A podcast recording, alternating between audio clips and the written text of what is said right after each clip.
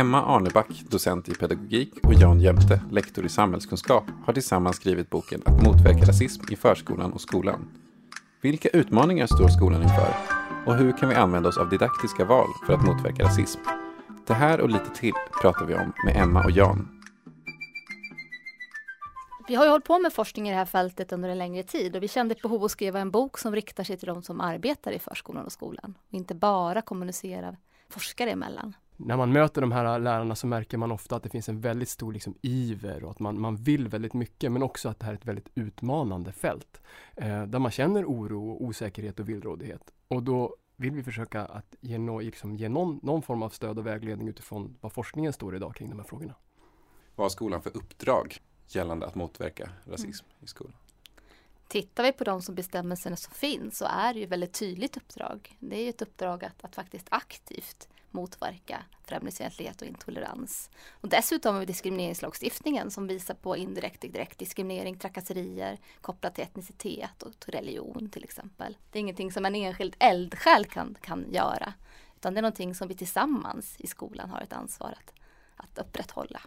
I, eh, I boken försöker vi synliggöra just att skolan är ju ingen värdeneutral plats. Alltså den öppenhet, den tolerans, det höga tak som ska prägla verksamheten har också gränser. Och uttryck för, för rasism får aldrig någonsin nonchaleras, bagatelliseras, ignoreras eller normaliseras i verksamheten utan precis som Emma säger ska aktivt motverkas på en rad olika sätt. Eh, och det leder till just den inneboende antirasistiska hållningen som är en del av vad det innebär att jobba i skolan.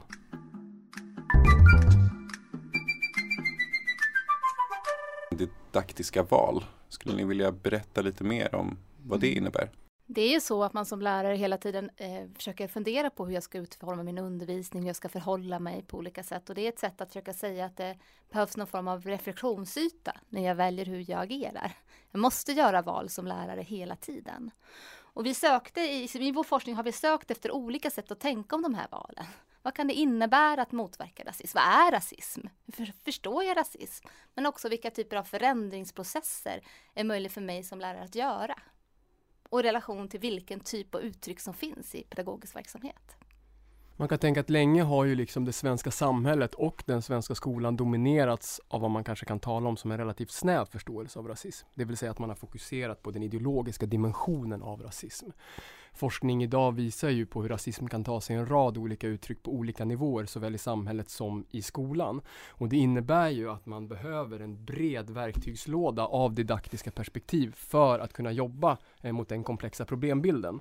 Och det är väl det som vi har försökt göra i den här boken, att liksom att backa bak, att presentera den här paletten eh, och relatera den till rasismens komplexitet. Mm. Så att å ena sidan visa på hur rasism kan komma till uttryck i pedagogisk verksamhet, både på individuell och på strukturell nivå. Och sen utifrån det då kliva in och visa på en rad olika typer av verktyg, didaktiska arbetssätt som man kan använda sig av. Och i det så blir också relationen mellan vad jag ska motverka och hur jag gör det väldigt centralt. För något som är väldigt vanligt är att man kanske springer på huret först. Så tänker jag, men titta här har jag hittat en metod. Har man inte ens funderat på vad är det för utmaningar vi har, vilka riskfaktorer har vi? Så att vara lite smart i de val man gör av didaktiska arbetssätt i relation till, till den faktiska problembilden blir högst centralt.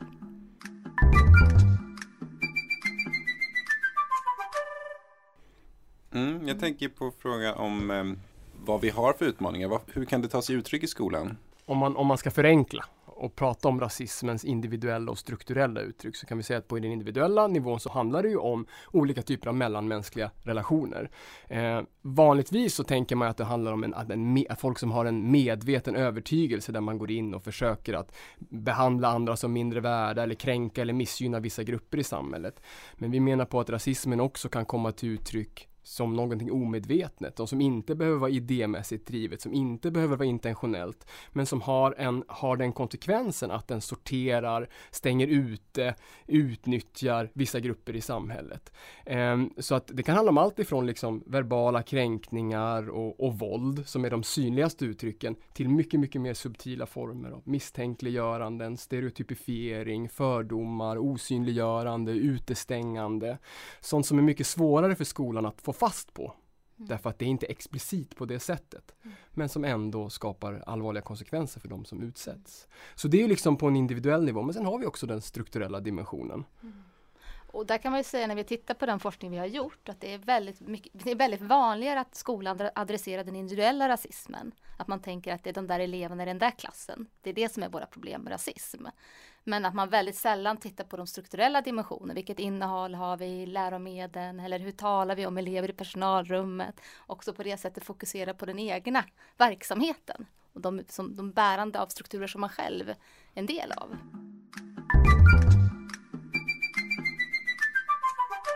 Ni beskriver i boken en rad olika arbetssätt som kan användas för att motverka rasism i skolan. Skulle ni kunna kort beskriva några av dem? I vår forskning så har vi sett sex olika arbetssätt som är vanligt förekommande i pedagogisk verksamhet. Och tre av dem har mer strukturell karaktär och adresserar således mönster och normer som är vanligt förekommande i skolan. I det att det uppstår olika typer av rasistiska strukturer. Och en vanligt eh, perspektiv är det normkritiska perspektivet som har vuxit fram i Sverige de sista 10-15 åren. Och som fokuseras på att synliggöra ut, eh, och utmana olika former av normbildningar och maktordningar som förekommer i pedagogisk verksamhet. Både inom ramen för personalens arbete men också i, i bland elever. Ett annat eh, arbetssätt som, som, som blir synligt i, i vår data det är det frigörande arbetssättet. Och det är vanligt förekommande hos lärare som kanske själva bär på erfarenheter av att ha blivit utsatta för rasism men också som möter barn och unga som bär på de erfarenheterna. Och det handlar om att försöka på något sätt avindividualisera dem och visa på att ja, men det är inte dig det är fel på utan det handlar om att du är positionerad på ett visst sätt i ett samhälle där du löper ökad risk för att kränkas eller drabbas av missgynnanden. Eh, och på så sätt också jobba för, för frigörelse från dem. Genom att ge barn och unga verktyg för förändring, att bli aktiva medborgare och försöka göra någonting åt det här. Och det tredje strukturella perspektivet är ett interkulturellt perspektiv som handlar om att försöka bryta monokulturella mönster där liksom svenskhet blir norm utan ge utrymme för olika typer av kulturella, religiösa eh, erfarenheter. Och på det sättet eh, både jobba med, med innehållet men också sådana saker som vem som blir anställd på en skola. Alltså representationsfrågan helt enkelt. Och när det gäller de individuella så kan man säga att det är här merparten av det arbete som har utförts historiskt har legat. Alltså man har en vana i skolan att jobba just med individuella uttryck för rasism. Och där kan man säga att det mest framträdande det är det kunskapsorienterade perspektivet. Alltså idén om att rasism i grund och botten eh, orsakas av en okunskap och att om man bara fyller i rätt pusselbitar, ger rätt typ av kunskap så kommer det här problemet att lösas. Eh, och det är också någonting som tydligt framträder i de styrdokument dokument som reglerar verksamheten. Att främlingsfientlighet och intolerans ska bemötas just med kunskap. Sen har vi också ett relationellt perspektiv som är väldigt vanligt. Alltså att vi behöver ett behov av att hitta eh, en positiv självrelation. Det vill säga att om jag har en positiv bild av mig själv och min omgivning så kommer jag också i större utsträckning vara positivt inriktad i relationer till, till de andra människor som jag möter. Sådana saker som omsorg, respekt och solidaritet som ett fundament för att skapa eh, en, en ett positiv inställning både till sig själv och sin omgivning. Och sist eh, så har vi då eh, det som vi kallar för det demokratiska arbetssättet. Eh, och idén här är att rasism gror i den polarisering, i de ekotunnlar, i de filterbubblor som finns i vårt samhälle idag där människor inte möts i, en, i, en, i, ett, i ett sant samtal. Och här blir skolans uppgift att försöka anordna det rummet där de samtalen kan ske under reglerade och respektfulla former och att man där ur det kan hitta sätt att motverka rasism och de fördomar som föds givet den distans som ofta existerar.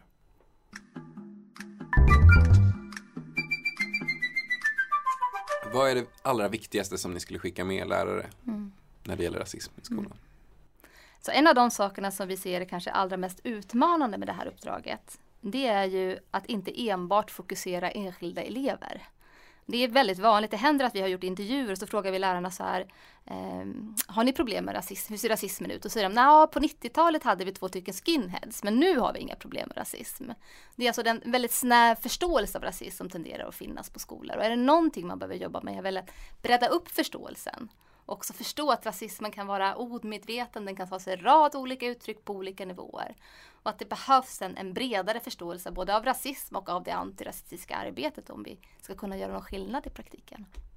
Eh, I relation till det så tänker jag att ett viktigt medskick är behovet av att utgå från den lokala verksamheten och den lokala problembilden. Det har också funnits en tendens att söka efter en mirakelmedicin, en mirakelkur som ska kunna möta och hantera rasismens komplexitet. Men en sån finns ju inte. Eh, utan man måste börja med det som händer i den egna verksamheten. Man måste börja med att jobba med kartläggningar, det här, det här tråkiga träiga arbetet, men som faktiskt som ger en djupare kännedom både om hur rasism kan komma till uttryck, hur det upplevs, vad som orsakar det och vilka konsekvenser det får. För att därefter gå in och välja vilken, vilken, vilket arbetssätt man, som, som passar bäst. Tack så mycket för att du har lyssnat på det här poddavsnittet som en del av Friends webbkurs om rasism. Du hittar webbkursen på friends.se och alla poddavsnitt hittar du även där poddar finns. Jag heter Patrik Konde och producent för podcasten det är Marie Alén. Mixing och klippning av Jennifer Söderlund.